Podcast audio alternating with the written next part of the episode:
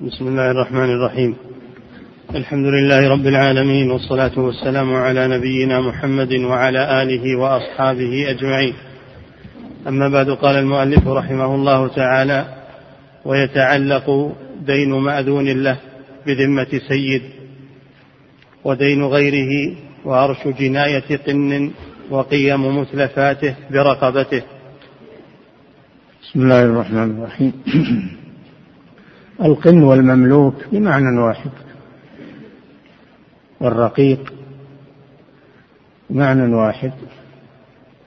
فالمملوك إذا كسب شيئا فهو لسيده. كما قال فالمملوك ما كسبه فهو لسيده. لأنه نماء ملكه ونماء ملكه له. لكن إذا جنى المملوك إذا جنى المملوك جناية توجب مالا. إذا جنى جناية توجب مالا جناية الخطأ. ولو أتلف مالا ووجب ضمانه فمن يكون عليه الضمان؟ يكون على سيده. إن أذن له إن أذن له بذلك فيكون ذلك على سيده. وإذا لم يأذن له بذلك تعلق في رقبته. فيخير سيده بين أن يفديه ويدفع عنه الغرامة وبين أن يباع العبد. وتسدد الغرامة من قيمته. نعم. ويتعلق دين مأذون له بذمة سيد. مأذون له إذا أذن له فاستدان. فالمطالب بالدين هو سيده لأنه أذن له. فإن لم يأذن تعلق الدين برقبته. وكذلك الجناية. نعم. ما يلزمه من المال. نعم. ويتعلق دين مأذون له بذمة سيد. ودين غيره وأرش جناية وأرش جناية قن. وأرش و وجناية غيره يعني غير المأذون. نعم. ودين غيره وأرش جناية قن وقيم متلفاته برقبته. يتعلق برقبته إذا لم يأذن له سيده. ويخير السيد بين أن يفديه ويدفع الغرامة عنه وبين أن يباع العبد فتدفع الغرامة من قيمته. وإن بقي منها شيء أخذه السيد وإن لم يبقى شيء انتهى الأمر. وإن نقصت قيمته عن غرامته فليس على السيد شيء لأنه لم يأذن له. نعم. فصل. وتصح الوكالة بكل قول يدل على إذن. الوكالة مصدر. وكل وكالة وتوكيلا. ومعناها التفويض في التصرف. تفويض في التصرف. هذا هو التو... لأن الإنسان قد يعجز عن مباشرة الأعمال بنفسه أو يكون مثله لا يعمل هذه الأعمال أو تكون الأعمال بعيدة عنه فله أن يوكل ويفوض من ينوب عنه؟ من ينوب عنه. ومن أسماء الله جل وعلا الوكيل. كفى بالله وكيلا. وكيل يعني الموكول إليه أمور عباده. الموكول إلى الله جل وعلا تصرف في أمور عباده. فهو الوكيل سبحانه وتعالى. بمعنى الموكول إليه تصرفه في أمور عباده. نعم وكذلك يكون الوكيل بمعنى الحفيظ. وما أنت عليهم بوكيل لست بحفيظ عليهم تحصي عليهم أعمالهم. إنما هذا إلى الله فهو الذي يحفظ أعمال عباده خيرها. وشرها وهو الذي يتصرف في أمور عباده. لا راد لقضائه ولا معقب لحكمه سبحانه وتعالى. هذه الوكالة بالنسبة لله جل وعلا. أما الوكالة بالنسبة للخلق فهي التفويض في التصرف. تفويض في التصرف. وقد وكل النبي صلى الله عليه وسلم فكان يرسل يرسل العمال على جباية الزكاة تفريقها وكان يؤمر الأمراء وهم وكلاء عنه ويوكل في إقامة الحدود. قال صلى الله عليه وسلم واغدوا واغدوا يا أنيس إلى امرأة هذا فإن اعترفت فارجمها. فيوكل في الحدود في إثباتها وفي تنفيذها. فالوكالة أمر سائغ وفيها مصلحة للناس لأن الإنسان يعجز عن القيام بكل المهام الخاصة به أو المتعلقة بالرعية بالنسبة للوالي ففي الوكالة إعانة على القيام بالمهام. الوكالة في البيع والشراء قد وكل صلى الله عليه وسلم من يشتري له أضحية وأعطاه درهما وهو عروة بن البارق وهو عروة البارقي. وكل في شراء الأضحية فالوكالة جائزة في الشريعة. لكن لها شروط ولها ضوابط تدرس في باب الوكالة من كتب الفقه. نعم. وتصح الوكالة لكل قول يدل على إذن. تنعقد الوكالة بأي شيء. لكل قول يدل على الإذن. مثل وكلتك فوضتك أنبتك عني إلى غير ذلك. نعم. وقبولها بكل قول أو فعل دال عليه. فالوكالة تكون بالقول من جهة الموكل. أما من جهة الوكيل فتصح بأمرين إما بالقبول بأن يقول قبلت هذه الوكالة أو أن يقوم بالعمل بدون تكلم وبدون فيكون عمله قبولا للوكالة. فنواب الرسول صلى الله عليه وسلم إذا بلغتهم رسائله قاموا بالعمل فيكون قيامهم بذلك قبولا للوكالة. نعم. وشرط كونهما جائزي التصرف. يشترط لصحة الوكالة أن يكون الوكيل والموكل جائزي التصرف.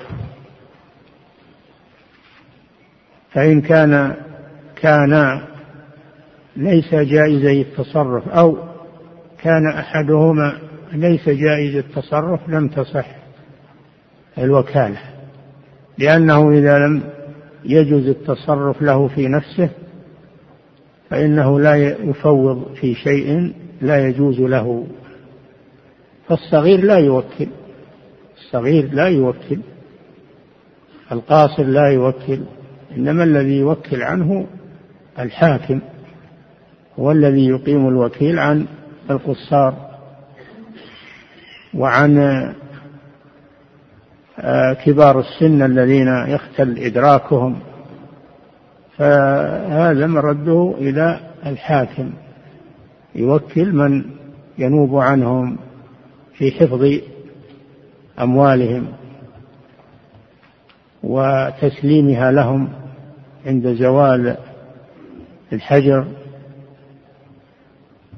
نعم فالذي لا يصح له التصرف لا يصح أن يوكل ولا أن يتوكل في ما لا يجوز له التصرف فيه لنفسه.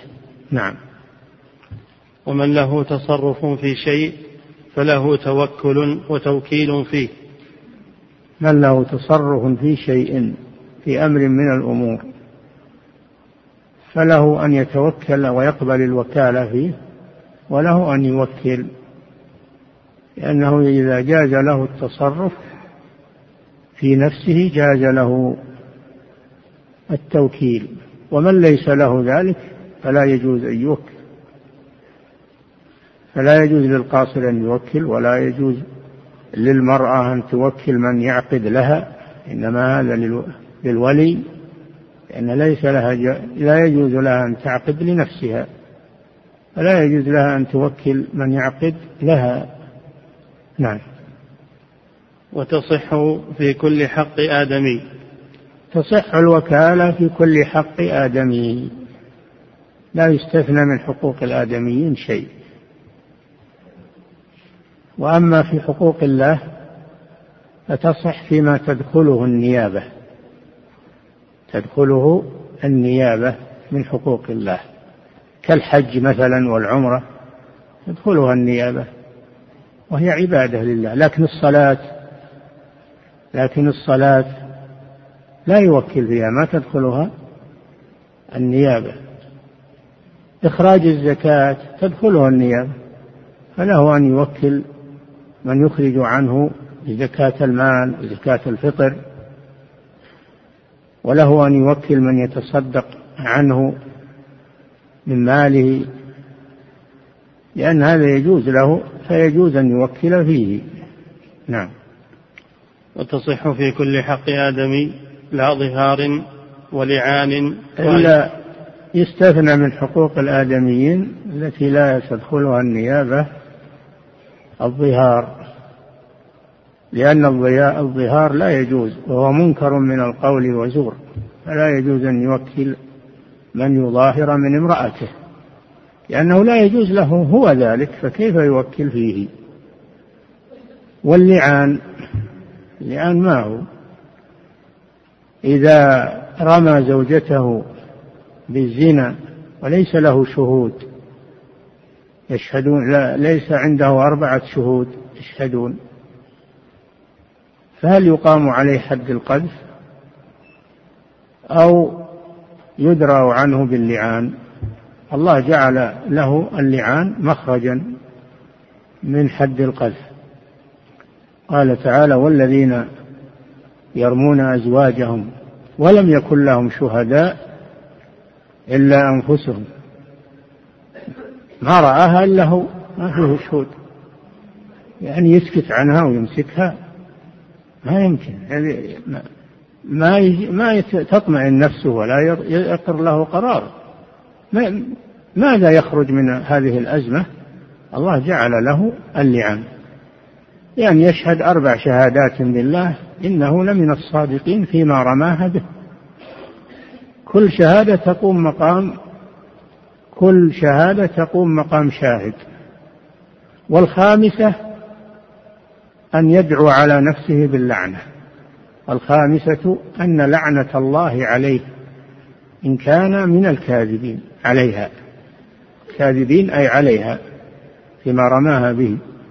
ثم تشهد أربع شهادات بالله إنه لمن الكاذبين فيما رماها به. والخامسة أن تدعو على نفسها بالغضب. والخامسة أن غضب الله عليها إن كان من الصادقين. والغضب أشد من اللعنة والعياذ بالله لأنها قد تكون عالمة وتجحد عن علم. ولذلك صار في حقها الدعوة بالغضب عليها خامسة أن غضب الله وفي قراءة والخامسة أن غضب الله عليها إن كان من الصادقين. فإذا تم اللعان يفرق بينهما يفرق بينهما. ويخرج من هذه الأزمة. لا يجوز له أن يوكل ولا يجوز لها أن توكل من يلاعن لأن هذا شيء يتعلق بالشخص نفسه. فلا يجوز له أن يوكل من يلاعن عنه.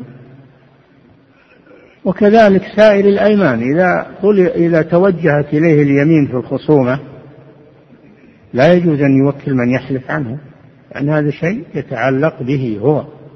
نعم. وتصح في كل حق آدم لا ظهار ولعان وأيمان. وأيمان يعني إذا توجهت عليه اليمين عند القاضي البينة على المدعي واليمين على من أنكر. قال أنا ما بحلف أوكل واحد يحلف عنه. ولا هذا ما يجوز ولا يصح هذا. لأن هذا شيء مطلوب منك أنت لا توكل فيه. نعم. وفي كل حق لله تدخله النيابة. وتدخل وتصح الوكالة في كل حق لله تدخله النيابة. أما الذي لا تدخله النيابة كالصلاة فهذه لا يوكل من يصلي عنه. أما الذي تدخله النيابة كالأمور العبادات المالية أو المالية أو المالية والبدنية كالحج الحج عمل بدني وعمل مالي تدخله النيابة يوكل. أو مالي محض كإخراج الزكاة يوكل. أو ديون للناس يوكل من يسددها عنه. لأن هذه تدخلها النيابة.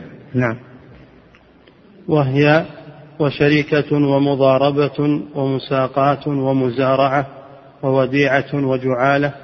جعالة. وجعالة عقود جائزة لكل فسخها العقود على قسمين. عقود لازمة من الطرفين ليس لأحدهما فسخها كالبيع والشراء إلا إذا شرط الخيار. أما إذا لم يشرط الخيار فالعقد لازم لا يجوز لأحدهما الفسخ إلا بإذن الآخر. النكاح النكاح أيضا عقد لازم. هذه عقود لازمة. والقسم الثاني عقود جائزة كالوكالة. الوكالة عقد جائز لكل منهما فسخها. فللموكل أن يفسخ ويعزل الوكيل. وللوكيل كذلك أن يعزل نفسه لأنها تبرع منه. فيجوز له أن يفسخ ولو لم يرضى الموكل. لأنها عقد جائز. هذه الوكالة. والمساقات. وتأتي المساقات في في وقتها. وكل العقود التي ذكرها تأتي في أمكنتها ويكون الكلام عليها إن شاء الله عند الوصول إليها. نعم. عقود جائزة لكل فسخها. هذا معنى جائزة. أنه لكل منهما فسخها. هذا العقد الجائز. بخلاف العقد اللازم فليس لأحدهما الفسخ إلا بإذن الآخر. نعم. ولا يصح بلا إذن بيع وكيل لنفسه. إذا وكله أن يبيع شيئا أو أن يتصدق بمال فلا يجوز له أن يبيع على نفسه ولا أن يأخذ من الصدقة لنفسه إلا إذا أذن له الموكل. إذا أذن له الموكل أن يبيع على نفسه فله ذلك أو أن يأخذ من الصدقة له ذلك إذا أذن له الموكل وهو مستحق إذا كان مستحقا. نعم. ولا يصح بلا إذن بيع وكيل لنفسه. ولا يصح بلا إذن من الموكل بيع الوكيل على نفسه. نعم. ولا شراؤه منها لموكله. وإذا وكله في شراء سلعة ما يقول السلعة عندي ببيع عليه من عندي ما يجوز إلا بإذن الموكل لأنه متهم. لأنه إذا فعل ذلك كان متهما. لكن إذا أذن له الموكل جاز ذلك. نعم. ولا يصح بلا إذن بيع وكيل لنفسه ولا شراؤه منها لموكله. وولده ووالده ومكاتبه كنفسه كاتبه. وولده ووالده ومكاتبه كنفسه. نعم وكذلك لا يشتري ولا يبيع إذا وكل في بيع أو شراء. لا يشتري ولا يبيع من ولده ولا من والده ولا من من لا تقبل شهادته له لأنه متهم بالمحاباة. إلا إذا أذن له الموكل. نعم. وإن باع بدون ثمن مثل أو اشترى بأكثر منه صح وضمن زيادة أو نقصا. هذا مسألة. إذا الوكيل باع بأقل من من ثمن السلعة وكله في بيع سلعة فباعها بأقل من ثمنها. يصح البيع. ولكن يدفع هو الزيادة. يدفع هو النقص. يدفع النقص. فيصح لأنه عقد من جائز التصرف. فيصح ويلزم ولكنه يضمن النقص. إذا باعها بأنقص من ثمنها.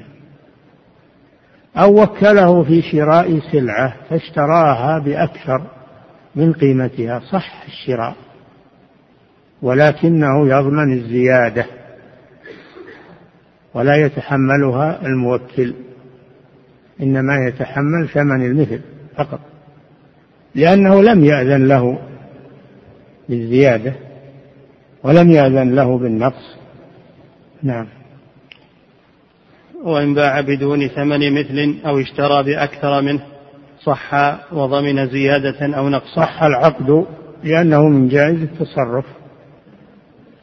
جائز التصرف والبيع والشراء عقد لازم ولكنه يلزمه دفع الزيادة وضمان النقص لأن الموكل لم يأذن له في ذلك.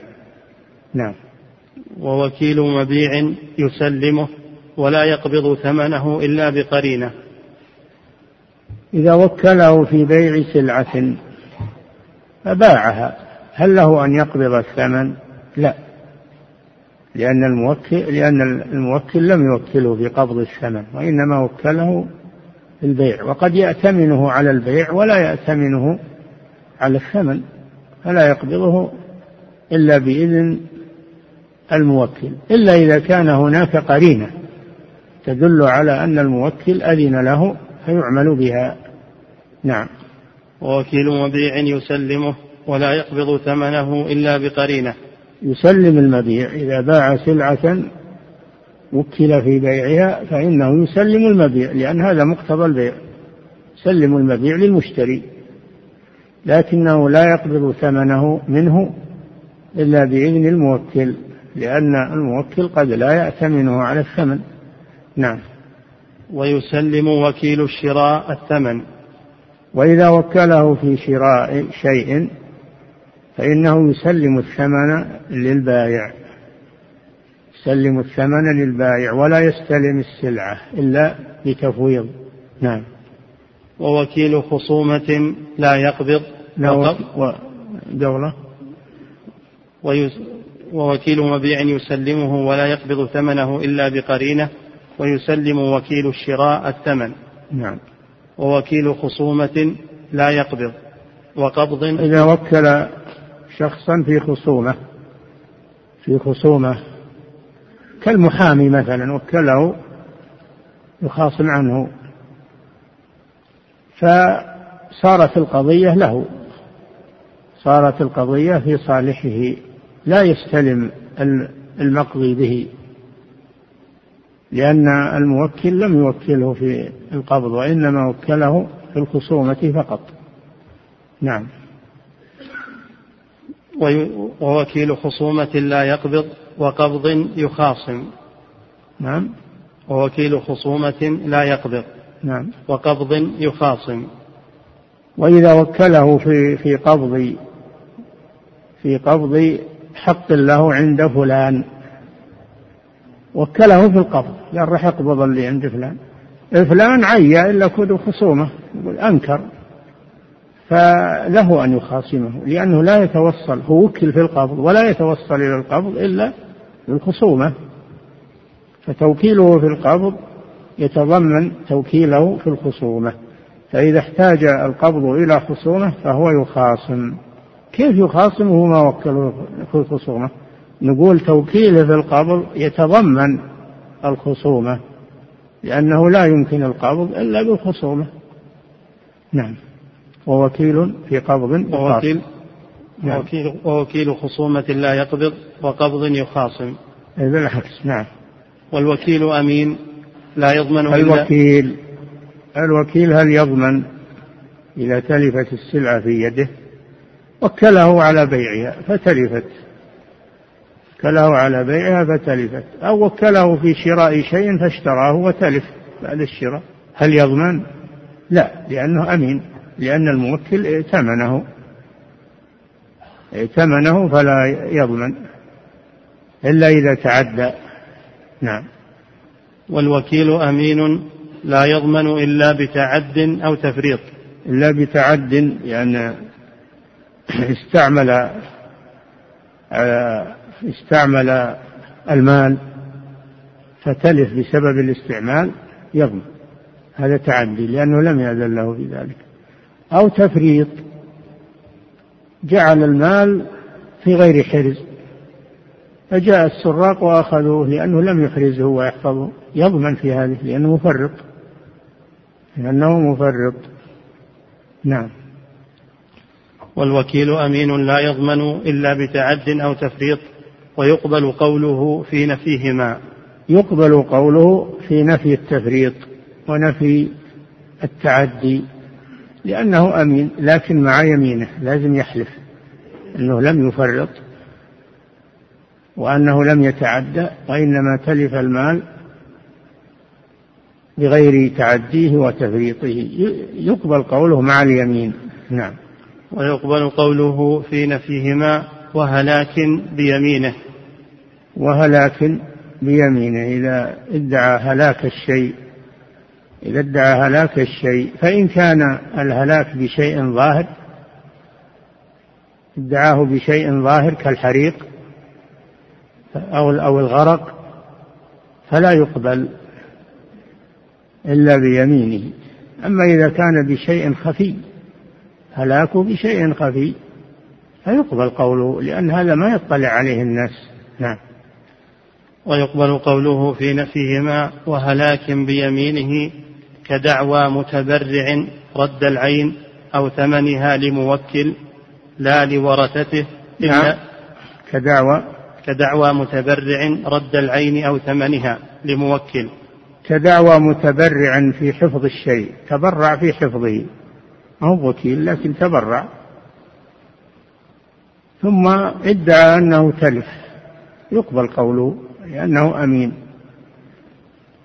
بالنسبة للموكل. بالنسبة للموكل.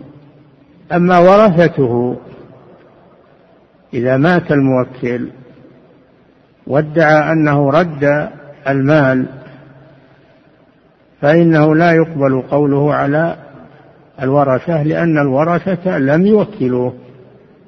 الورثة لم يوكلوه فلا يقبل قوله لأنه ليس وكيلا لهم. إنما هو وكيل لشخص قد مات وانتهت الوكالة بموته. نعم. كدعوى متبرع رد العين أو ثمنها لموكل لا لورثته إلا ببينة. لا يقبل قوله على الورثة إلا ببينة تدل على صحة ما يقول.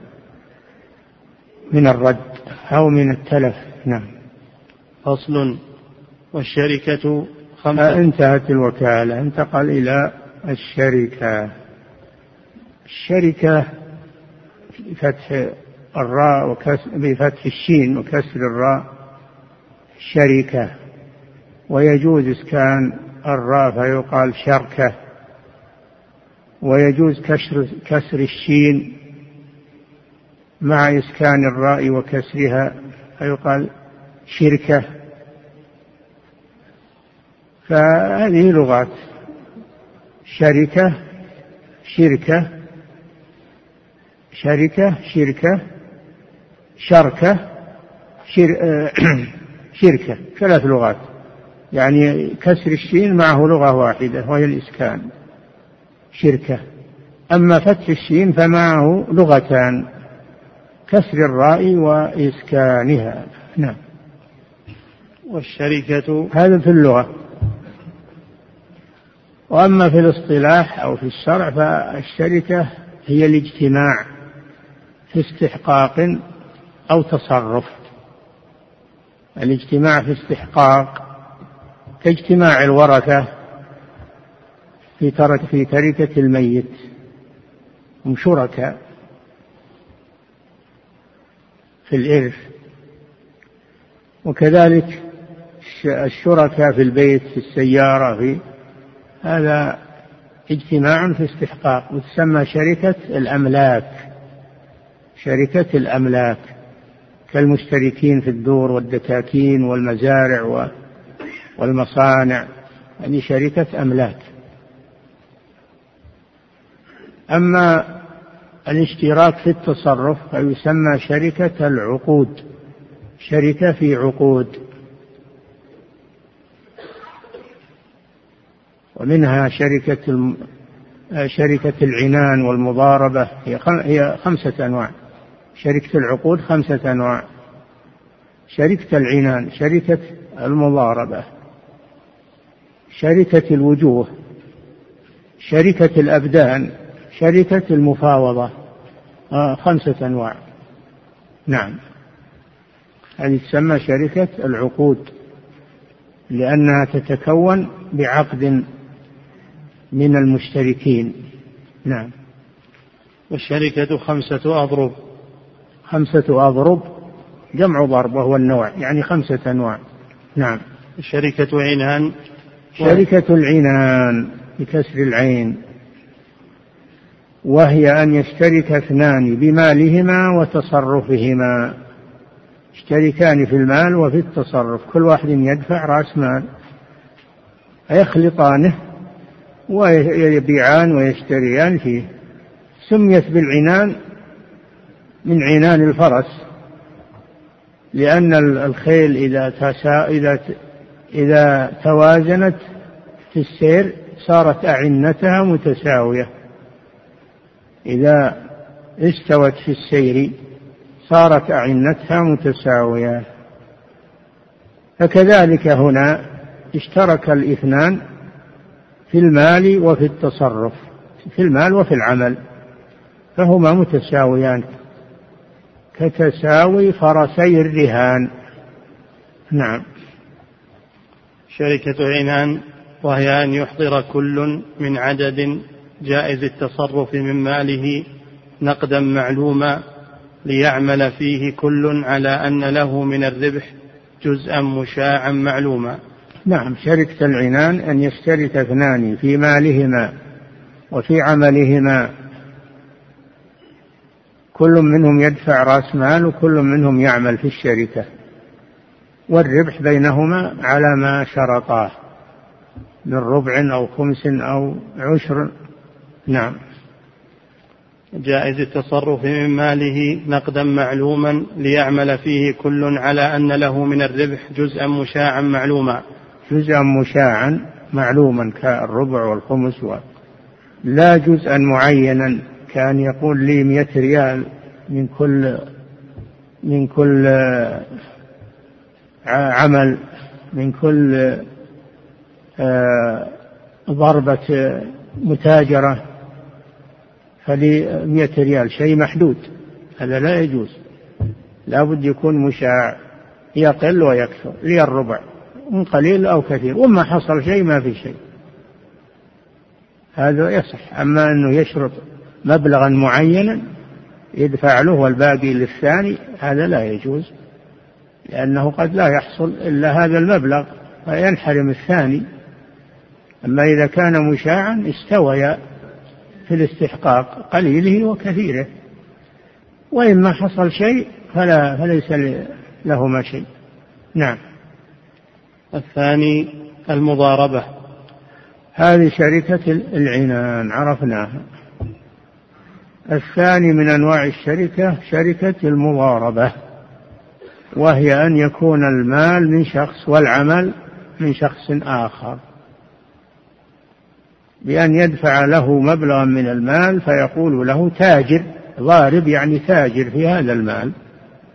وما حصل من الربح فهو بيننا. هذه شركة المضاربة.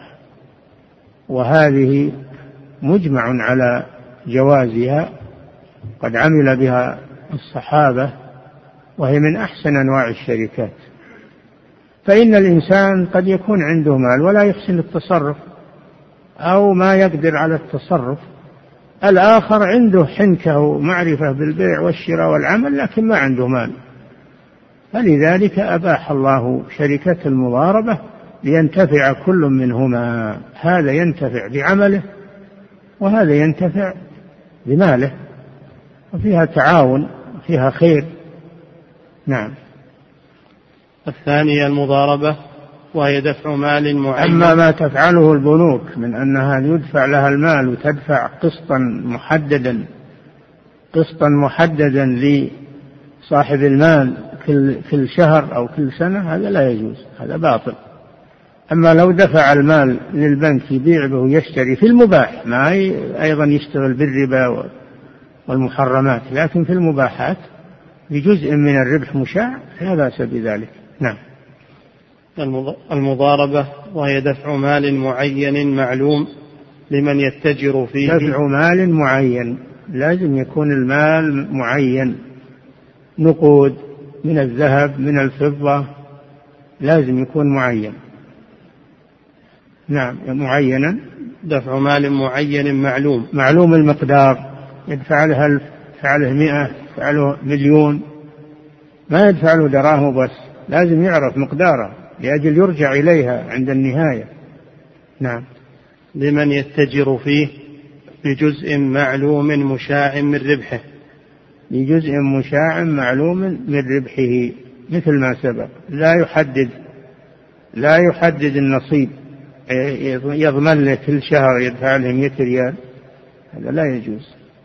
لكن يقول ما حصل من الربح فهو بيننا على ما شرطناه من النصف من الربع من الخمس. فإذا حدد نصيب واحد تعين نصيب الآخر. نعم. وإن ضارب لآخر فأضر الأول حرم. نعم. إذا عقد معه المضاربة لم يجوز للمضارب أن يأخذ مضاربة من شخص آخر. لماذا؟ لأنه سيخل بعمله المضاربة الأولى. سيخل بعمله بالمضاربة الأولى. فلا يأخذ مضاربة من عدة أشخاص إلا إذا أذن له شريكه في ذلك. نعم. وإن ضارب لآخر فأضر الأول حرم أضر الأول. إذا ضارب لآخر وأضر الأول حرم ذلك. أما إذا كان لا يضر الآخر يأخذ من هذا وهذا ولا يضر الآخرين فلا مانع من ذلك لزوال الضرر نعم. حرم ورد حصته في الشركة. رد حصته في الشركة حرم فعله وما حصل من المضاربة الثانية يشاركه فيه الأول. ما حصل له من المضاربة الثانية من شخص آخر يشاركه فيه الأول لأنه تعاقد معه على أن يعمل له ما يعمل للآخرين. نعم. وإن تلف رأس المال أو بعضه بعد تصرف أو خسر أو خسر. أو خسر جبر من ربح قبل قسمة. نعم. الربح وقاية لرأس المال ما فيه ربح إلا بعد أن يسلم رأس المال. فإذا تحاسبنا ووجدنا أن أنه ليس هناك إلا رأس المال فقط ما ربحنا شيء. يأخذ صاحب المال آه، رأس ماله كاملا وليس للعامل منه شيء لأن حقه تعلق بالربح فقط. أو ما وجد إلا بعض رأس المال يأخذ الباقي يأخذ الباقي. والثالث لا يضمنه العامل لأنه لأنه أمين. فلا ربح إلا بعد تمام رأس المال. فيجبر رأس المال من الربح. نعم. وإن تلف رأس المال أو بعضه بعد تصرف أو خسر جبر من ربح قبل قسمة. أي نعم. ما يقسم ربح إلا بعد توفر رأس المال. أما إن نقص فيجبر من الربح. نعم. الثالث شركة الوجوه. الثالث من أنواع الشركة شركة الوجوه. ما معهم مال كلهم ما معهم مال. ولكن قالوا نشترك بوجوهنا لأنهم معروفين عند الناس ويثقون الناس منهم. قالوا نفتح محل وناخذ سلع من الناس ونبيعها نسدد لهم والربح. إذا ربحنا نتقاسم الربح. فهو فتسمى شركة الوجوه لأنها مبنية على الجاه على الجاه من من المشتركين لأن الناس يثقون بهم وليس معهم رأس مال. فهذا لا بأس به. نعم. الثالث شركة الوجوه وهي أن يشتركا في ربح ما يشتريان في ذمم. ما يشتريان في ذممهما. الناس يبيعون عليهم ويثقون منهم يصرفون. يردون للناس أثمان السلع فإن حصل ربح فهو بينهم على ما شرطه فيستفيدون من عملهم ولا يجلسون مكتوف الأيدي. نعم يستفيدون. من عملهما وبيعهما وحركتهما. نعم. شركة الوجوه وهي أن يشتركا في ربح ما يشتريان في ذممهما شركة بجاه. الوجوه يعني شركة في الجاه. الناس يقبلون جاههم وثقتهم. نعم. ما يشتريان في ذممهما بجاهيهما. بجاههما نعم. وكل وكيل الآخر وكفيله بالثمن. كل واحد منهم كفيل عن الآخر. لأصحاب السلع. وأيضا هو وكيل عنه في قبض الثمن. فهو وكيل عن صاحبه وكفيل عليه لو حصل شيء. نعم. الرابع شركة الأبدان. الرابع شركة الأبدان. ما مساكين ما حد يبيع عليهم. فقراء ولا حد يبيع عليهم. وش يجلسون؟ ما يكتسبون؟ قال لا يكتسبون. بالحرفة يفتحون محل يغسلون الثياب أو يخيطون أو يصنعون الأواني أو غير ذلك. وما حصل من الغلة يقتسمانه شركة أبدان. يشتركان فيما يكسبان بأبدانهما. أيضا آه، يمكن أنهم يحتطبون ويبيعون الحطب. ويمكن أنهم يجمعون الأعشاب وقت الربيع ويبيعون ما يكتسبون بأبدانهم أو ما يحصلان عليه في في في الجهاد ما يحصلان عليه في الجهاد من المال يكونون شركاء فيه لا بأس بذلك كله. هذه شركة في الأبدان يعني فيما يكتسبانه بأبدانهما. نعم. وهذا يدل على أن الإسلام يحث على العمل. وأن لا يبقى الإنسان معطلا. يحث على العمل والاكتساب. نعم. الرابع شركة الأبدان وهي أن يشتركا فيما يتملكان بأبدانهما. فيما يحصلان بأبدانهما وحرفتهما. نعم. فيما يتملكان بأبدانهما من مباح كاصطياد ونحوه. كاصطياد الطيور والظبا أو جمع الحطب أو العشب. أو الكمأة أو غير ذلك. نعم. من مباح كاصطياد ونحوه أو مباح أما لو يشتركون في شيء محرم هذا لا يجوز. ما يكتسبان شيئا محرما لا تجوز الشركة. نعم. أو يتقبلان في ذممهما من عمل كخياطة. أو يشتركان في تقبل الأعمال من الناس. كأن يفتح محل للخياطة. يعني خياطة الثياب. خياطة الثياب بالأجرة أو للحدادة. يصنعون الحديد للناس من السكاكين والرماح والسيوف وغير ذلك. صناعة يشتركان في صناعة أو في حدادة أو في في خياطة الثياب أو الغسيل. يفتحان محل غسالة ويغسلون للناس. يصلح هذا شركة نعم. أو يتقبلان في ذممهما من عمل كخياطة فما تقبله أحدهما لزمهما عمله. أو يتقبل أحدهما أو كلاهما يتقبلان بناء حائط أو بناء دار أو غير ذلك فلا بأس بذلك نعم. فما تقبله أحدهما لزمهما عمله وطول بابه إي نعم إذا تقبل واحد منهم إنه يخيط هذه الثياب. الثاني ما درى نقول يلزمه لأن هذا مقتضى الشركة. فما تقبله أحدهما لزم الآخر لانهما شركاء في هذا. نعم. وإن ترك أحدهما العمل لعذر أو لا فالكسب بينهما. إذا ترك أحدهما العمل لعذر كالمرض ما يستطيع يعمل. الكسب بينهما لأنه معذور. أو لغير عذر كسلان وجلس وخلى. هم شركاء لأن الشركة ما انحلت باقية. ما انحلت باقية. لكن إذا كان عن كسل فلا بد أن يقيم من ينوب عنه. أن يقيم من ينوب عنه.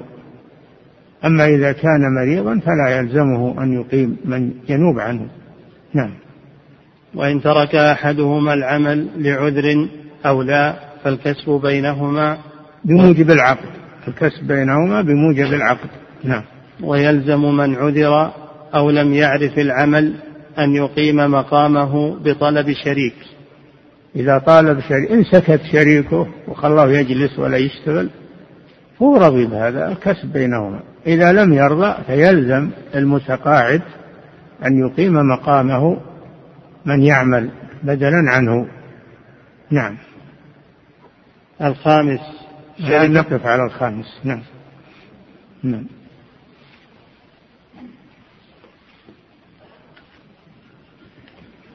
يقول فضيلة الشيخ وفقكم الله ذكر المؤلف رحمه الله من الأمور التي لا تصح الوكالة فيها الظهار واللعان والأيمان. وزاد الشارح في النذر والإيلاء والقسم بين الزوجات. يقول وزاد الشارح للكتاب لا تصح الوكالة في النذر والإيلاء والقسم بين الزوجات. السؤال كل شيء كل شيء كل شيء يختص بالشخص ولا يقوم به غيره لا يصح التوكيل فيه. كالقسم بين الزوجات وكال هذا مختص به. نعم. يقول فضيلة الشيخ القسم بين الزوجات معلوم أنه في أربعة أمور المبيت والنفقة والكسوة والسكنى فهل يجوز له أن يوكل في أن ينفق على زوجتيه ويكسوهن بالتساوي أم لا بد أن يباشر الزوج هذا الأمر؟ لا هو قصده القسم القسم الذي هو حق للزوجة من الزوج لا يوكل فيه لا يوكل فيه. أما أن يوكل من يخرج النفقة للزوجة يدفع للزوجة النفقة لا بأس بذلك. لكن هل يوكل من يبيت عندها؟ لا يصلح هذا. يوكل من يجعلها في بيته؟ لا يصلح هذا. نعم. لأن يعني هذا شيء يتعلق به هو. نعم. يقول فضيلة الشيخ وفقكم الله هل يجوز للوكيل أن يوكل غيره أم لا بد أن يأذن؟ قالوا يجوز للوكيل أن يوكل في أربع صور. الصورة الأولى إذا أذن له في ذلك. قال لك أنك توكل لك أنك توكل غيرك إذا أردت. هذا أذن له فله أن يوكل. الصورة الثانية إذا كان مثله لا يعمل هذا العمل كان وكله أن يشتري له سلعة وهو ما هو من عادته ينزل للسوق كونه كبير الجاه وكبير آه، المكانة يوكل الأمير مثلا يشري له سيارة يروح الأمير للمعارض ولا؟ مو بعادته هذا. يوكل ما يخالف. لأن ما هو من عادته يفعل هذا الشيء. أو شيء دني شيء دني كالحجامة وما يوكل في هذه الأمور. لأن ليس من عادة ليس من عادة الشرفاء أنهم يعملون هذا العمل فتوكيله فيه يتضمن أنه أذن له أن يوكل غيره لأنه داري أنه هو ما يعمل هذا العمل فيتضمن أنه يوكل. هذه الحالة الثانية إذا كان مثله لا يعمل العمل الذي وكل فيه. الحالة الثالثة إذا عجز إذا عجز عن العمل فله أن يوكل من من يقوم مقامه لأنه عذر بالعجز نعم. يقول فضيلة الشيخ وفقكم الله يمنع الوكيل من أن يشتري لنفسه ولولده ووالده ومكاتبه. السؤال الزوجة هل تدخل في المنع؟ نعم تدخل في المنع لأنه متهم بالمحاباة معها. نعم. يقول فضيلة الشيخ وفقكم الله هل للوكيل أن يأخذ أجرا على الوكالة؟ نعم. له أن يأخذ أجرا على الوكالة. لأن لأن هذا يقبل التأجير فله أن يقبل. فالأجير وكيل الأجير وكيل عن المؤجر في العمل. نعم. يقول فضيلة الشيخ وفقكم الله إذا باع الوكيل السلعة بزيادة فهل له هذه الزيادة؟ لا ليست له. هذه تابعة لصاحب السلعة. إلا لو قال له إن زادت عن كذا فالزيادة لك. ما يخالف. نعم. يقول فضيلة الشيخ وفقكم الله أعطاني شخص كيسين من الأرز. أعطاني شخص كيسين من الأرز على أنه زكاة فطر ولم أفطن للأمر. ولم؟ أفطن أتفطن للأمر. ثم ظل عندي ثلاثة أشهر ثم أخرجته عن ذلك الشخص لأني غير مستحق للزكاة. فهل فعلي صحيح؟ أخطأت في هذا وتأثم على تأخير صدقة الفطر عن وقتها لكن لا بد من إخراجها قضاء تكون قضاء. تخرج ولو بعد وقتها وتكون قضاء. إذا كان تأخيرها لغير عذر فإنه يأثم بالتأخير. أما إذا كان لعذر فإنه يقضيها ولا ولا ولا إثم عليه لأنه معذور. نعم. يقول فضيلة الشيخ وفقكم الله هل يجب على من رأى من زوجته الزنا أن يلاعن أم له أن يطلقها فقط بدون لعان؟ طلاق له أن يطلقها له أن يطلقها لكن قد يحتاج إلى اللعان لأجل لأجل الولد. لا يلحق به الولد. يريد أن الولد ما يلحق به. يحتاج إلى اللعان في هذه الحالة. نعم. لكن هو يحتاج إلى اللعان حتى لو طلقها. لو طلقها يبي يقام عليه الحد. إلا أن يأتي بأربعة شهود أو يلاعن حتى لو طلقها ما يحل المشكلة. نعم. يقول فضيلة الشيخ وفقكم الله في بلاد الغرب إذا أسلمت المرأة وليس لها أقارب. فائدة اللعان تكون بسقوط الحد وتكون أيضا بنفي الولد. نعم. يقول فضيلة الشيخ وفقكم الله في بلاد الغرب إذا أسلمت المرأة وليس لها أقارب من المسلمين في الغالب إذا أرادت الزواج تختار أحدا من رجال المسلمين ليكون وكيلا لها في النكاح. فهل هذا الفعل صحيح؟ الفتوى في هذا أن المرأة المسلمة في بلاد الكفار في بلاد الغرب أو غيرها أنه يتولى تزويجها المركز الإسلامي. المركز الإسلامي رئيس المركز هو الذي يتولى تزويجها. نعم. يقول فضيلة الشيخ وفقكم الله هل يجوز لي أن أعمل شركة مضاربة في سيارات الليموزين يعمل عليها ويدفع لي في كل يوم مائتي ريال؟ لا تحديد ما يجوز لكن لك تدفع له السيارة وتقول آه، أجرها وشغلها وما يحصل فهو بيننا بالأرباع بالأنصاف بالأثلاث قليل أو كثير. أما أنك تفرض عليه مبلغا معينا فهذا لا يجوز. نعم. يقول فضيلة الشيخ وفقكم الله هل يجوز الوكالة في عقد الطلاق؟ نعم. عقد ما هو بعقد هذا حل حل الطلاق حل النكاح. الطلاق حل للنكاح. فيجوز التوكيل في العقود وفي الفسوخ. يجوز انك توكل من يعقد لك على فلانة. ها؟ ويجوز إنك توكل من يطلق نيابة عنك فلانه العقود والفسوخ. يجوز فيها التوكيل. نعم. يقول فضيلة الشيخ وفقكم الله صدر قرار في دولة من الدول بتعيين امرأة تكون مأذونا شرعيا فهل يجوز أن تتولى المرأة؟ هذا العقد بين الزوجين. من ناحية العقد ما هي اللي تولاه. اللي تولاه الولي. هي مجرد موثق فقط.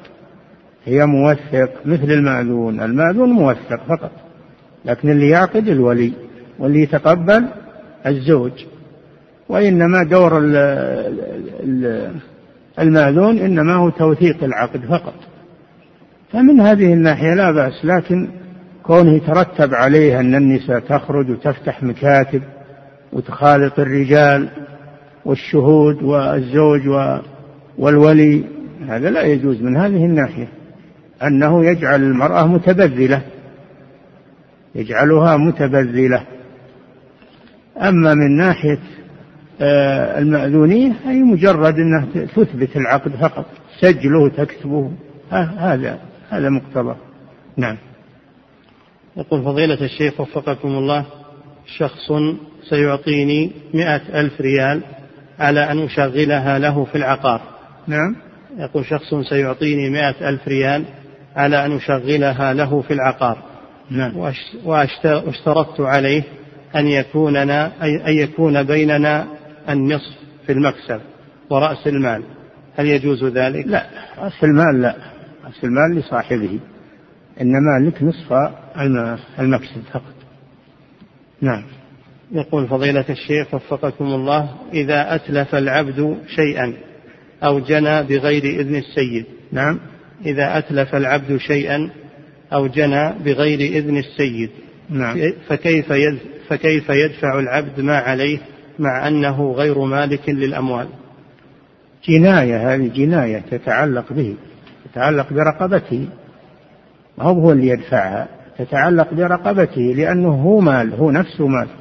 لو راحت آه، آه، دابك مثلا وأكلت زرع فلان ألست تضمن؟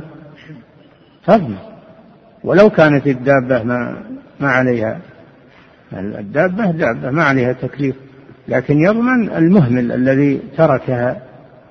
فالضمان لا يسقط المتلفات لا يسقط ضمانها. هي على المتلف لا يسقط ضمانها أبدا. نعم. يقول فضيلة الشيخ وفقكم الله في شركة العنان هل لا بد من التساوي في المال المشترك فيه؟ نعم.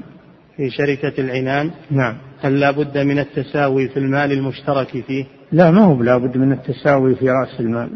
لو دفع واحد العشر ودفع واحد تسعة عشر رأس المال فلا بأس لكن يكون الربح على قدر ماليهما.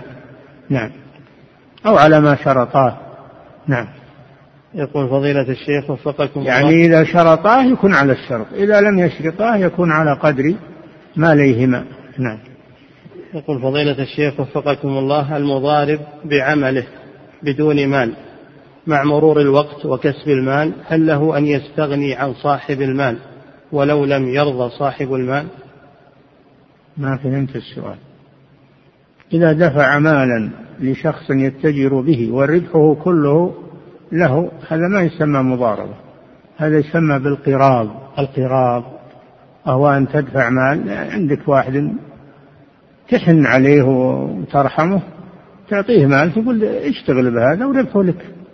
ربحه لك وترد علي رأس المال فيما بعد. هذا يسمى القراض. نعم. يقول فضيلة الشيخ وفقكم الله هل للوكيل أن يتولى طرفي العقد بأن يتوكل بتزويج بنت فلان ويوكله الآخر بأن يقبل الزواج عن نفس البنت؟ نعم لا بأس. إذا وكله الطرفان ولي المرأة والزوج وكلاه يكون وكيلا عن الاثنين. يصدر, يصدر الإيجاب فيقول زوجت فلانا ثم بالنيابة عنه ثم يقول قبلت بالنيابة عن الزوج. نعم. يقول فضيلة الشيخ وفقكم الله رجل اشتريت منه سيارة ولم آخذها منه. وبعد ذلك حجر عليه الحاكم. فهل تكون السيارة لي أم هي للغرماء؟ نعم. يقول رجل اشتريت منه سيارة ولم آخذها منه. وبعد ذلك حجر عليه الحاكم. أنت اشتريت منه. أنت اشتريت. هذاك لو بعت عليه. سيارك موجودة بعد الحجر تأخذها. أما العكس وهو أنك آه، شريت منه سيارة شريت منه سيارة فليس لك أخذها بعد الحجر عليه. نعم. لكن تبقى في في ذمته يبقى العقد في ذمته تطالبه بعد انفكاك الحجر عنه بالسيارة أو بقيمتها فيما بعد فك الحجر. نعم. يأمن لك سيارة بعد فك الحجر. نعم. يقول فضيلة الشيخ وفقكم الله في شركة الأبدان. ذكرتم حفظكم الله أنه يلزم القاعد أن يقيم من يعمل عنه. إذا طلب إذا طلب الطرف الثاني فيلزمه أن يقيم من ينوب عنه. أما إذا لم يطلب فهو أسقط حقه. نعم. يقول وإذا لم يجد من يعمل عنه فما العمل؟ إذا لم يجد من يعمل عنه توقف الشركة. وذاك طالب يقول لازم يجي معي واحد توقف ولا حصل أحد توقف الشركة. نعم. يقول فضيلة الشيخ وفقكم الله إذا اشترى الوكيل إذا اشترى الوكيل سلعة بأقل من سعرها فهل يصح له أن يأخذ الباقي؟ إذا اشترى الوكيل سلعة بأقل من سعرها فهل يصح له أن يأخذ الباقي؟ يعني أعطاه دراهم يشتري له سلعة وشراه أرخص من الثمن اللي أعطاه إياه؟ لا يرد الباقي على صاحبه ما هو له نعم. يقول فضيلة الشيخ وفقكم الله أسرة لديها مبلغ من المال وهو عبارة عن دية لوالدهم فأخذها الابن الأكبر ووضعها في البنك وديعة استثمارية وبعد فترة اتصل البنك ووجدوا أن المال قد زاد فما حكم أخذهم لهذه الزيادة؟ الزيادة إن كانت ربوية ما تجوز. إن كانت ربوية فلا يجوز لهم أخذها. يأخذون رأس مالهم وخلاص. أما إن كانت غير ربوية فلا بأس. نعم. يقول فضيلة الشيخ وفقكم الله هل يصح للوكيل أن يتصرف بأموال الورثة بالبيع والشراء بدون علم أحد الورثة؟ هل؟ هل يصح للوكيل أن يتصرف بأموال الورثة بالبيع والشراء بدون علم أحد الورثة؟ وكيل في أي شيء. الورثة القصار يتصرف لهم بما ينمي مالهم. أما إذا كانوا راشدين كبار فلا يتصرف إلا بإذنهم. نعم. يقول فضيلة الشيخ وفقكم الله إذا اشترك رجلان في في تجارة معينة فقام أحد الشريكين بإجراء معاملات محرمة وذلك بعدم معرفة الشريك الآخر. هل إذا علم يجوز له أن يفسخ الشركة إذا كانت قائمة؟ نعم. إذا أن يقولون ما يجوز أن يشارك واحد يتعامل بالحرام. لا يجوز له أن يشارك من يتعامل بالحرام.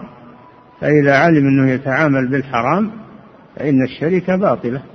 نعم. يقول فضيلة الشيخ وفقكم الله. أعطاني شخص مبلغا من المال كزكاة فطر لأدفعها لواحد محتاج أعرفه فهل لي أن آخذها حيث إني محتاج أيضا؟ أول شيء دفع لك مبلغ من المال. صدقة الفطر ما تصلح نقود. لا بد أن تكون من الطعام. هذا أول شيء. الشيء الثاني ما تحل لك ولو أنك محتاج إلا بإذنه كما سمعتم. لازم من إذنه. نعم. يقول فضيلة الشيخ وفقكم الله أنا دفعت لأخي مالا ثم قلت له اشتغل بها. أنا؟ أنا دفعت لأخي مالا نعم. ثم قلت له اشتغل بها المكسب بيننا بالنصف والخسارة علي لأني أحبه. والخسارة علي. لأنه أخي وأحبه فهل لي ذلك؟ ما في لو ما شرطت الخسارة على رأس المال. إذا خسر رأس المال لو تلف رأس المال وما يضمنه لك. نعم.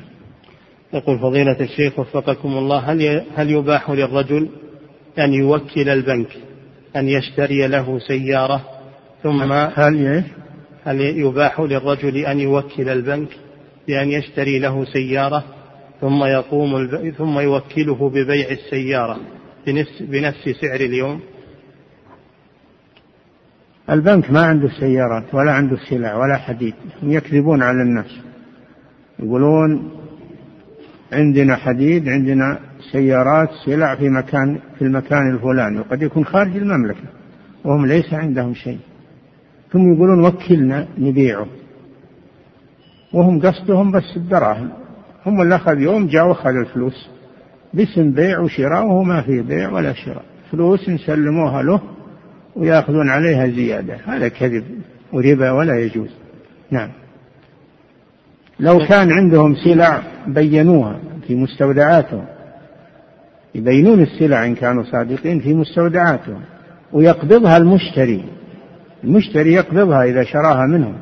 يخرجها ويبيعها خارج خارج مكانه نعم أما اللعب ما يصلح. نعم.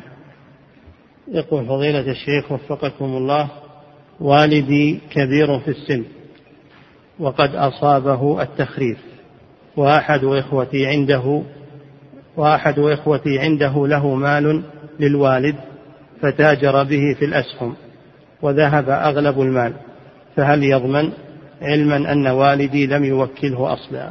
نعم يضمن إذا كان ما وكله الوالد في صحته وعقله ما وكله وهو تصرف في المال وفرط فيه يضمن نعم. يقول فضيلة الشيخ وفقكم الله هل يجوز أن أقوم بتوكيل والدي في عقد الزواج توقيرا له وأنا موجود بالمكان نفسه؟ هذا ما في توقير هذا ما في توقير. إذا كنت موجود فلا حاجة للوكالة. ولا في هذا توقير للوالد. نعم. الوكالة إنما هي على حسب الحاجة ولا هنا حاجة. نعم. يقول فضيلة الشيخ وفقكم الله هل المضاربة بالأسهم التي في الشاشات مثل المضاربة الجائزة؟ لا. هذه خيال ولا هي بصحيحة الظاهر. أغلبها أنها ما هي بصحيحة وغائبة أيضا ما هي بحاضرة. فلا يجوز التعامل هذا. فيه غرر وجهالة وفيه ربا وفيه أمور فظيعة. ولذلك تشوفون النكسات اللي أصابت المساهمين. بعضهم مات بعضهم تخبل في عقله. عقوبات هذه. لأن هذا التعامل لا يجوز. نعم. يقول فضيلة الشيخ وفقكم الله انتشر في هذه الأيام أناس يأخذون من الناس سلعا مختلفة كالسيارات أو غيرها. ويأخذونها بضعف القيمة. فإذا كانت السيارة بخمسين ألف أخذوها منك بمائة ألف على أن يردوها على, على أن يردوا القيمة عليك بعد أشهر أو بعد شهر. فهل هذه الصورة جائزة؟ وهل تندرج تحت شركة الوجوه؟ لا. هذه من الحيل والباطل. ولا يجوز هذا العمل. يأخذون السيارة بضعف قيمتها. ليش؟ وش السبب؟ ضعف قيمتها. هذا كله من الحيل. نعم. يقول فضيلة الشيخ وفقكم الله هناك عادة عند اللقاء في بعض البلدان وهي انحناء الإنسان لغيره. ها؟ هناك عادة عند اللقاء في بعض البلدان. عند إيش؟ اللقاء. نعم.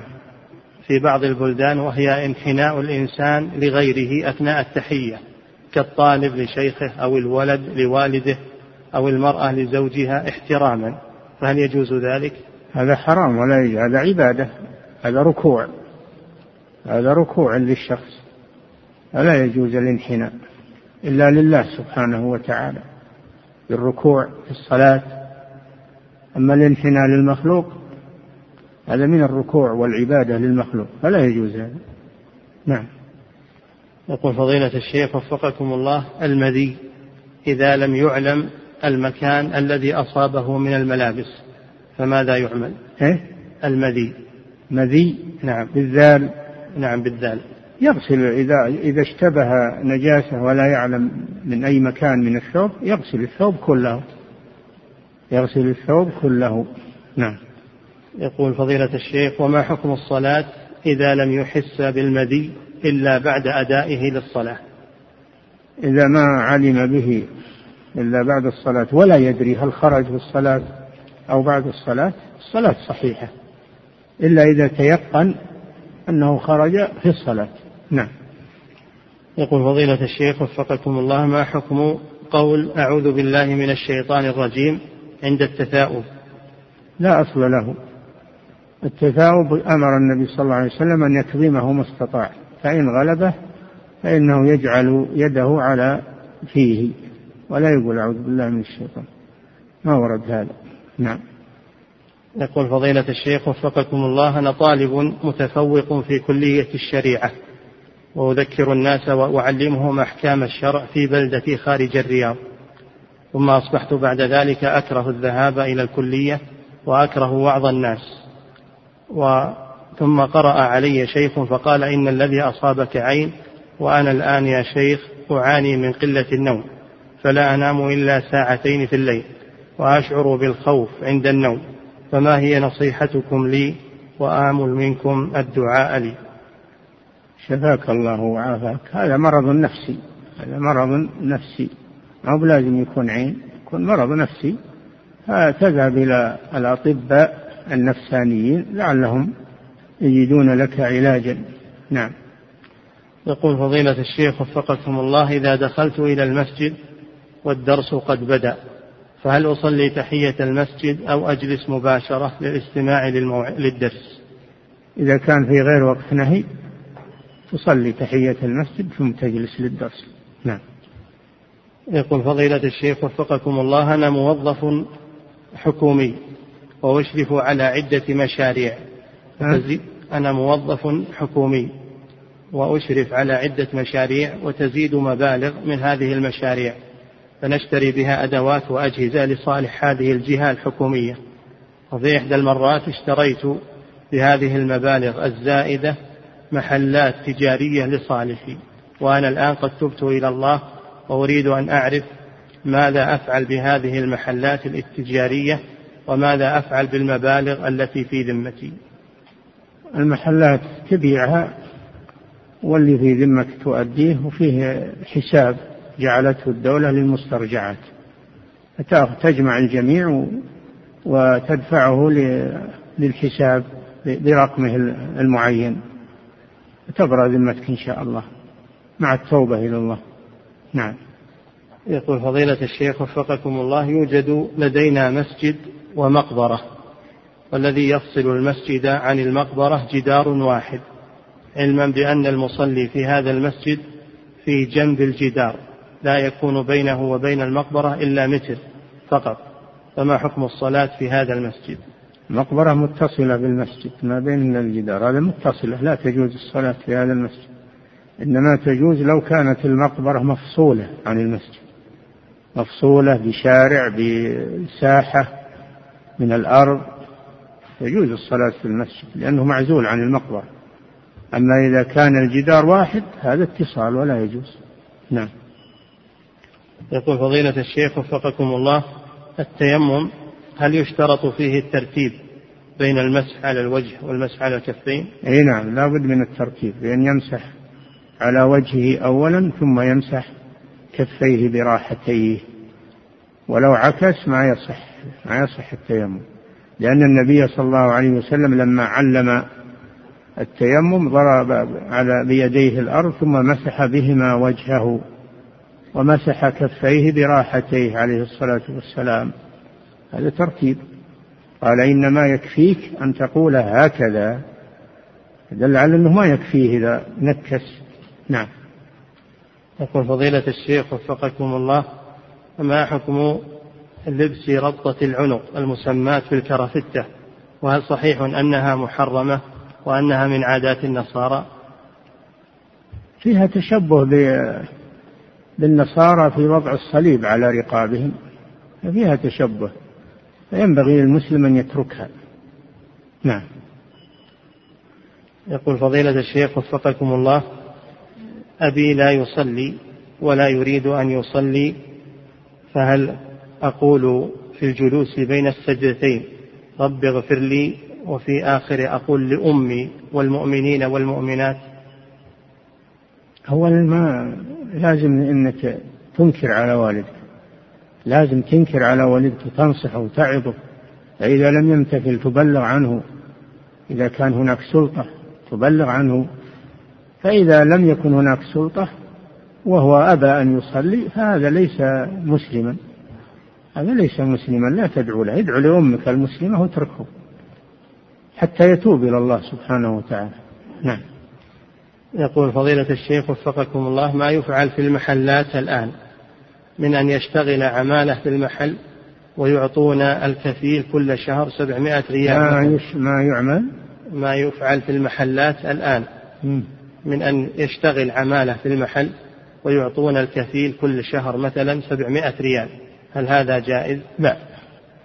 هذا لا يجوز لأن هذا خلاف إذن ولي الأمر. ولي الأمر إنما أذن بالعمال لمن عندهم أعمال يشغلونهم فيها بالراتب يعطيه راتبه. أما أنه يخلف النظام ويتاجر هذه يسمونها المتاجرة بالأشخاص أو بالمتاجرة بالإنسان لأنك تسخره بالعمل وتأخذ عليه. وهو مجبر أن يخضع لهذا غصبا عليه لأنك تسفره لو ما أطاع. هذا فيه قهر وفيه استغلال لكسب الناس وعرقهم وفيه مخالفة لنظام ولي الأمر. لا يجوز هذا. نعم. يقول فضيلة الشيخ وفقكم الله إذا أتى حديث ضعيف ضعفه بعض أهل العلم وحسنه آخرون وهذا الحديث في فضائل الأعمال وبعض السنن فهل يكون تحسين البعض له؟ عاضدا للعمل به؟ هذا حتى لو ما حسنه بعض العلماء لو قالوا إنه ضعيف فلا يلغى يعمل به في فضائل الأعمال والترغيب والترهيب يعمل به في فضائل الأعمال والترغيب والترهيب. أما إذا حسنه بعض العلماء هذا أقوى وقد يرتفع إلى درجة الحسن لغيره. نعم. يقول فضيلة الشيخ وفقكم الله بضاعة في السوق قيمتها ألف ريال فإذا ذهب أخي لشرائها فيعطيها التاجر له بالمبلغ نفسه ألف ريال لكن إذا ذهبت أنا فإن التاجر سينقص منها خمسمائة ريال فهل يجوز أن آخذ هذه الخمسمائة لي؟ إذا وهب لك حتى لو أعطاك السلعة مجاني إذا وهب لك هذا الشيء هذا راجع له هو. أما وهب لك يعني بعض قيمتها وخفض لك خاصة فلا بأس بذلك لأن هذا ماله يتصرف فيه. أما أنه يخادع الناس ويبيع على ناس بسلعة بقيمة ويبيع على الآخرين بقيمة هذا لا يجوز. هذا يلزمه يبيع مثل ما تباع السلعة في السوق على كل الناس عليك وعلى غيرك. نعم. يقول فضيلة الشيخ وفقكم الله إذا بلغت النفساء أربعين يوما ولم ينقطع الدم فهل تغتسل؟ فتستأنف نعم. إذا بلغت النفساء أربعين يوما نعم. ولم ينقطع الدم فهل تغتسل وتستأنف الصلاة أم نعم. نعم نعم. الجمهور على أنها لا, لا يزيد النفاس عن أربعين يوم فإذا تمت أربعين تغتسل وتصلي إلا إذا صادف وقت العادة وقت عادة الحيض. فإنها تعتبره حيضا. أما إذا لم يصادف وقت عادة الحيض فإنه يعتبر نزيفا فتغتسل وتصلي. لأن أكثر مدة النفاس أربعون يوما عند جمهور أهل العلم. نعم. يقول فضيلة الشيخ وفقكم الله حارس أمن وحضرته الصلاة ولا يستطيع أن يصلي وقد يخرج وقت الصلاة وهو لم يصلي فهل له أن يصلي إيماء ويلتفت يمينا ويسارا ويستدل بفعل الصحابي الجليل عبد الله بن أنيس رضي الله عنه أم ماذا يفعل؟ إذا بلغ الحال إلى الحد فيصلي على حسب استطاعته. قال الله تعالى فاتقوا الله ما استطعتم فيصلي على حسب استطاعته. نعم. انتهى. الله تعالى أعلم وصلى الله وسلم على نبينا محمد وعلى آله